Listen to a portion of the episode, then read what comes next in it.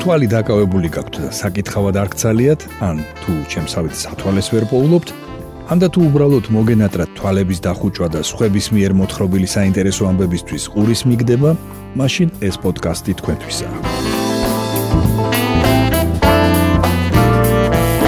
გამარჯობა. თქვენ უსმენთ რადიო თავისუფლების პოდკასტს მოლაპარაკე ტექსტებს. მოლაპარაკე ტექსტებს. მე ბიძინა რამიშვილი გახლავართ. აქ მოქმედი პირები არიან ტექსტები, რომლებსაც რადიო თავისუფლების ვებსაიტზე ვარჩევ თქვენთვის კვირაში ერთხელ და მათ მოსათხრობ ამბებად ვაქცევ ხოლმე.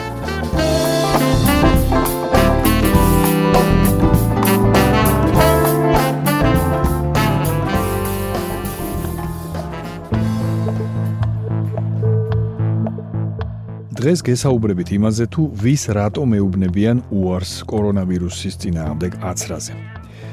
გავიხსენებთ დიდ ქართველ მწერალს დავით კლდიაშვილს და მოგითხრობთ ცნობილი ფრანგი კინორეჟისორის ბერტრან ტავერნიეს ერთ კინოფილმზე. პოდკასტს დავიწყებთ ანი ბურდულის სტატიით „ვის და რატომ ეუბნებიან უარს აცრაზე“. მგონი არანაირი ისე მწვავე მდგომარეობა არ იყო რომ არაეცრად დედაჩემი თან ფაიზერით რასაც ვხედავ და ვკითხულობ გაცილებით მძიმე პაციენტებს ცრიან დაწერა Facebook-ში მაია. მან ვაქცინაციის წინა დღეს ანალიზები გაუკეთა დედას რომელიც თირკმლის მწვავე უკმარისობას მკურნალობს. ოჯახის ექიმისა და მკურნალი ექიმის რეკომენდაციის შემდეგ დარწმუნებული იყო რომ უსაფრთხოდ და დაბრკოლებების გარეშე შეძლებდა მისთვის ფაიზერის ვაქცინის გაკეთებას რაც საქართველოში 55 წელს გადაცილებული მოქალაქეების საყოველთაო ვაქცინაცია დაიწყო, არაერთი ადამიანი ჩავარდა მსგავს მდგომარეობაში. დაუჯერეს ქვეყნის წამყვანი ეპიდემიოლოგების საჯარო გამოსვლებს ვაქცინაციის მნიშვნელობაზე. აიღეს მკურნალი ექიმებისგან ნებართვა. დაარეგისტრირეს მშობლები და ასაცრელად მისულები ამცრელმა ექიმმა უკან გამოაბრუნა. თამთა ამბობს, რომ სამედიცინო პერსონალი 27 წლის მედის მეგი ბაქრაძის გარდაცვალებამ შეაშინა და პასუხისმგებლობის თავზე აღებას ერიდებიან. ალერგოლოგი იმუნოლოგი ვაქცინაციის საბჭოს წევრი ბიძინა კულუმბეგოვი გვეუბნება, რომ თამარისა და თამთას შემთხვევაში იმის მიხედვით, რაზეც თავად ლაპარაკობენ, არანაირი წინაღობა არ არსებობდა, რომ ვაქცინაციაზე უარი ეთქვათ. ნინო გოგოლაძემ ვაქცინაციის ექიმების წინააღმდეგობის მიუხედავად 5 აპრილს 74 წლის დედის აცრა მაინც მოახერხა. წინა დღეს გაკეთებული ანალიზებით მისულს უკან აბრუნებდნენ. თუმცა როგორც ნინო ამბობს, პროტოკოლის დაცვა მოსთხოვა და შემდეგ აცრეს პაციენტი. რაღაც მომენტში მეც შემეშინდა პასუხისმგებლობის აღების, მაგრამ უბრალოდ ინფორმაცია მქონდა, ხვდებოდი რომ ტყუილად აბრუნებდნენ და პროტოკოლი ამას არ ითვალისწინებდა. იფიქრეს, იფიქრეს და გაუკეთეს. მერე ნერვიულობაზე დედას წნევა მაუძია და ცოტა ხანი იქვე იწვა. ახლა თავს მშვენივრად გზნობს, ამბობს ნინო გოგოლაძე. ჯანდაცვის მინისტრის მოადგილის თამარ გაბუნიას თქმით, პროტოკოლით ვაქცინაციის გადავადება ხდება მაშინ თუ დაავადება მწვავე ფაზაშია. ის მხოლოდ რამდენიმე შემთხვევას ადასტურებს, როდესაც ვაქცინაციაზე მიღება გადაუვადეს პაციენტებს. ნოდარ ტანგიაშვილის დედას ალერგიული გამონაყარის გამო უთხრეს უარი აცრაზე. თუ არ იცით რის გამო გაქვთ ალერგია, ჩემს თავზე ამ პასუხისმგებლობას ვერ ავიღებო და ალერგოლოგთან გადაამისამართა. ისიც თქვა 95% არაფერი იქნება, მაგრამ ვერ გავრისკავო. ის რომ ექიმი დამატებით კვლევაზე გიშვებს ან უარს ამბობს თქვენს აცრაზე, ავტომატურად არ ნიშნავს იმას, რომ უსამართლოდ მოგექცნენ და ვაქცინაცია დასაშვები იყო. კითხვაზე, ვინ შეიძლება აიცრას და ვინ არა, არსებობს მკაფიო პასუხები. საქართველოს კანონით COVID-19-ის საწინააღმდეგო ვაქცინის დანერგვისა და იმუნიზაციის მართვის წესის მიხედვით განისაზღვრება ის ჯგუფები, რომლებზეც შეიძლება კონკრეტული შეზღუდვები გავრცელდეს. თუმცა საბოლოო ჯამში, როგორც დაავადებათა კონტროლის ცენტრის დირექტორი ამირან გამყრელიძე ამბობს რადიო თავისუფლებასთან საუბარში, ექიმი იმიტომ არის ექიმი, რომ მან უნდა გადაწყვიტოს. მესმის პაციენტების წუხილი, მაგრამ პაციენტთან ურთიერთობაში უნდა დავეყრდნოთ ექიმს. შეუძლია თუ ჩათვლის საჭიროდ დამატებითი გამოკვლევები და კონსულტაციები დანიშნოს. ციტატის დასასრული. ფონდ ღია საზოგადოების წარმომადგენელი ნინო კიკნაძე, რომელიც ჯანდაცვის სფეროს საკანონმდებლო მხარის გაუმჯობესებაზე მუშაობს, ამბობს, რომ გადაწყვეტილებები მტკიცებულებებზე დაფუძნებული უნდა იყოს და არა პირად მოსაზრებებზე. მისი თქმით, მასშტაბური ტრენინგებია საჭირო, რომლის საფუძველზეც ექიმა უნდა იცოდეს, როგორ მოიქცეს შესაძლო გართულებების ან სხვა შემთხვევებში. ეს გახდათ ანი ბურდულის სტატია ვის და რატომ ეუბნებიან უარს აცრაზე. თქვენ უსმენთ პოდკასტს მოლაპარაკე ტექსტებს. ჩვენი პოდკასტის შემდეგი ტექსტი გახლავთ ჩიმშე რეხვიაშვილის სტატია უდავითოთ. დავითი 1931 წლის 24 აპრილს დღის 12 საათზე გარდაიცვალა, რაც არავისთვის ყოფილა თავზარდამცემი მოულოდნელობა. საქართველოში ყველა მიცოდა დიდი მწერლის მძიმე ავადმყოფობის ამბავი. დავითმა მართლაც დიდხანს იავადმყოფა, დიდხანს იტანჯა. მეხსიერებაც კი დაუზიანა ვერაგმა დაავადება. დაუზიანა იმდენად, რომ ერთხელ შვილს, სერგო კლდიაშვილს, რომელიც ციგნს უკითხავდა, აღფრთოვანებულმა ჰკითხა: რა არის ეგ? რაღაც ძალიან საინტერესოს კითხულობა. შენი მოთხრობა სამანიშვილის დედინაცვალიო, უპასუხა შვილმა, რაზეც გაუცებულს წამოუძახია. არ ვიცი რა ჩემი მოთხრობა, რა სამანიშვილიო. 27 აპრილს დავითის ცხედრის თბილისში გადასასვენებლად სიმონეთში მწერალთა დელეგაცია ჩავიდა. გიორგი ლეონიძე, შალვა აფხაიძე, სიმონ წვერავა, ის მწერლები, რომლებმაც საქართველოსთან ერთად სულ რაღაც ერთი წლით ადრე სამწერლო ასპარეზზე 40 წლიანი მოღვაწეობის იუბილე გადაუხადეს ცოცხალ კლასიკოს. მწერალი სერგი ჭილაია ასე იხსენებდა თბილისის ოპერის თეატრში გამართულ ამ საღამოს.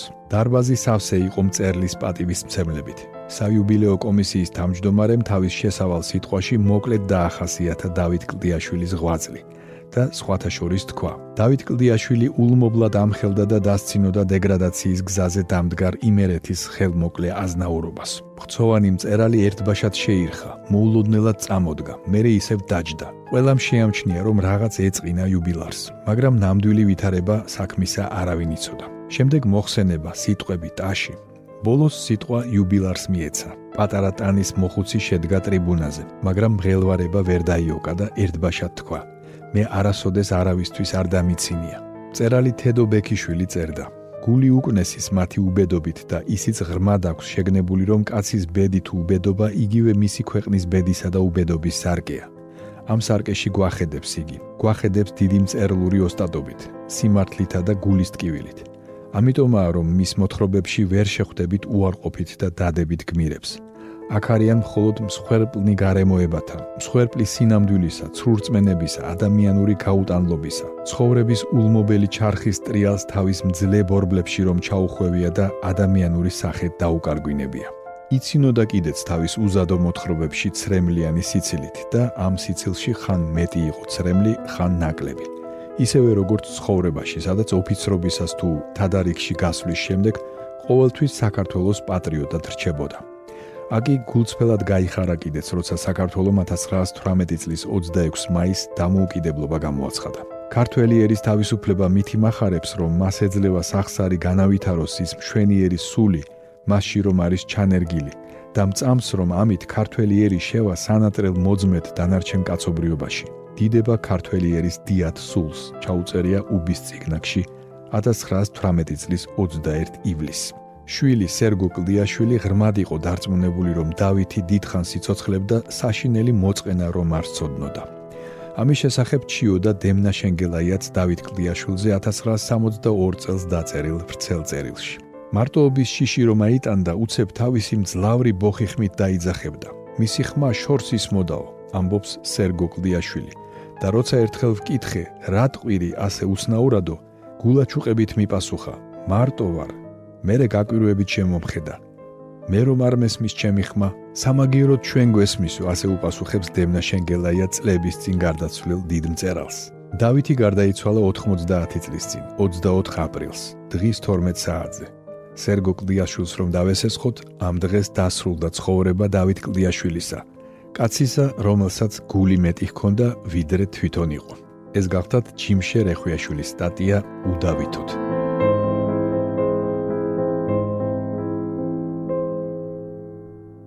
თქვენ უსმენთ პოდკასტს მოლაპარაკე ტექსტებს. ჩვენი პოდკასტის შემდეგი ტექსტი გახლავთ გიორგი გვახარიას სტატია მკვლელი სისტემა, რომელიც მკვლელს ასამართლებს. კინემატოგრაფიულ სამყაროს დიდი კაცი გამოაკლდა. 80 წლის ასაკში გარდაიცვალა ბერტრან ტავერნიე, კინორეჟისორი, რომლის სახელს ფრანგული კინოს არაერთი გამარჯვება უკავშირდება. ტავერნიე იღებდა განსხვავებული სიძლიერის ფილმებს, მაგრამ ყველა მის სურათს ერთი რამ აერთიანებს: თავად კინოხელოვნების სიყვარული. არაერთი კარგი ფილმი გადაიღო კრიმინალურ თემაზე, მათ შორის სრულიად არაჩვეულებრივი სატყუარა. სურათი, რომელმაც 1995 წლის ბერლინის ფესტივალზე ოქროს დათვი თლად პოლ ოსტერისა და ვეინ ვანგის შედევრს ბოლს მოუგო. სხვა საინტერესო ფილმებიც აქვს, მაგრამ დღეს ავირჩიე ერთი ტავერნიეს გახმაურებული სურათი მოსამართლე და მკვლელი. Il y avait la guerre et nous avions 20 საზოგადოებრივი მორალი და მორალური უტილიტარიზმი ის პრობლემაა, რომელიც ტავერნიეს პირველივე სრულმეტრაჟიან ფილმში სენ პოლელ მესაათეში წამოიჭრება. მაგრამ აქ მოსამართლე და მკვლელში რეჟისორის პოზიცია უკვე ღია და საკმაოდ რადიკალურია. ყოფილი იურისტი ასამართლებს თავად სამართალს. წარმოგვიდგენს მას გადაჯაჭულად პოლიტიკურ კონიუნქტურასთან და ამ ხელს სუბიექტივიზმში. არავიწყდება რა ყველაზე მნიშვნელოვანი ისტორიული ფონი. მე-19 საუკუნის საფრანგეთი, როცა ქვეყანამ გერმანიასთან ომი წააგო. დაკარგა ტერიტორიები. მისმა ხელისუფლებამ კი ომის წაგება დააბრალა არა საკუთარ თავს, არამედ ეთნიკურად არაფრანგებს, ებრაელებს და ყველას, ვინც ამოვარდნილი იყო სახელისუფლო სისტემიდან, მათ შორის დანაშაულის ჩამდენებს.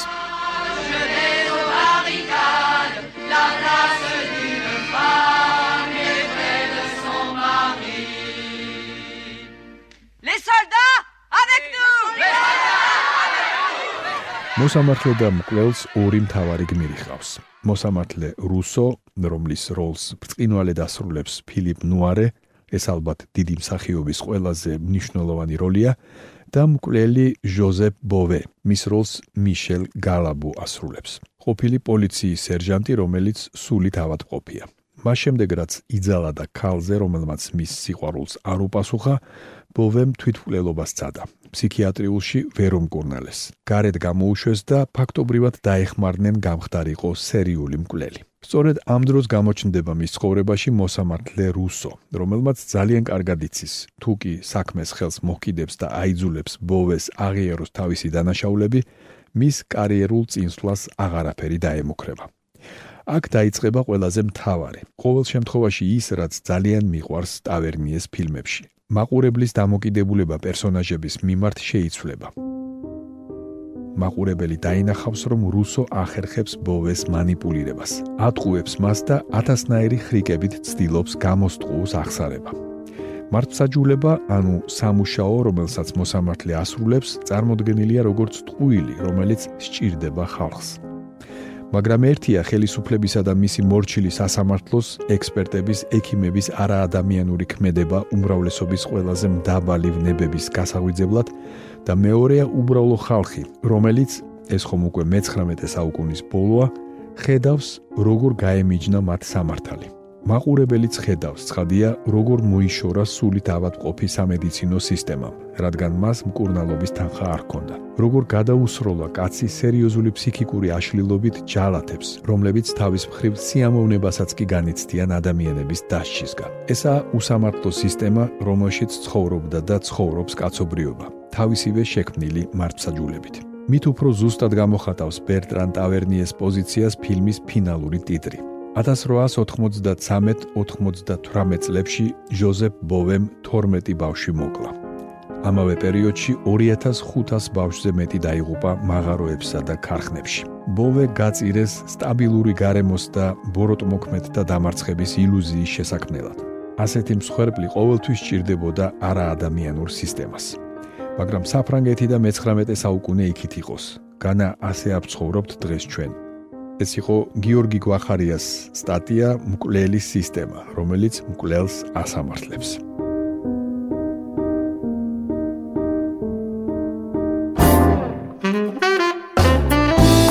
თქვენ მოისმინეთ რადიო თავისუფლების პოდკასტი მოლაპარაკეთ ტექსტები. მე კვირაში ერთხელ ვარჩევ რადიო თავისუფლების ვებსაიტზე გამოქვეყნებულ ტექსტებს და მათ მოსათხრობამდე ვაქცევ ხოლმე. ჩვენი პოდკასტი შეგიძლიათ გამოიწეროთ, ჩამოტვირთოთ ან მოისმინოთ პირდაპირ რადიო თავისუფლების ვებსაიტზე. მისი მისამართია რადიო თავისუფლება.ge.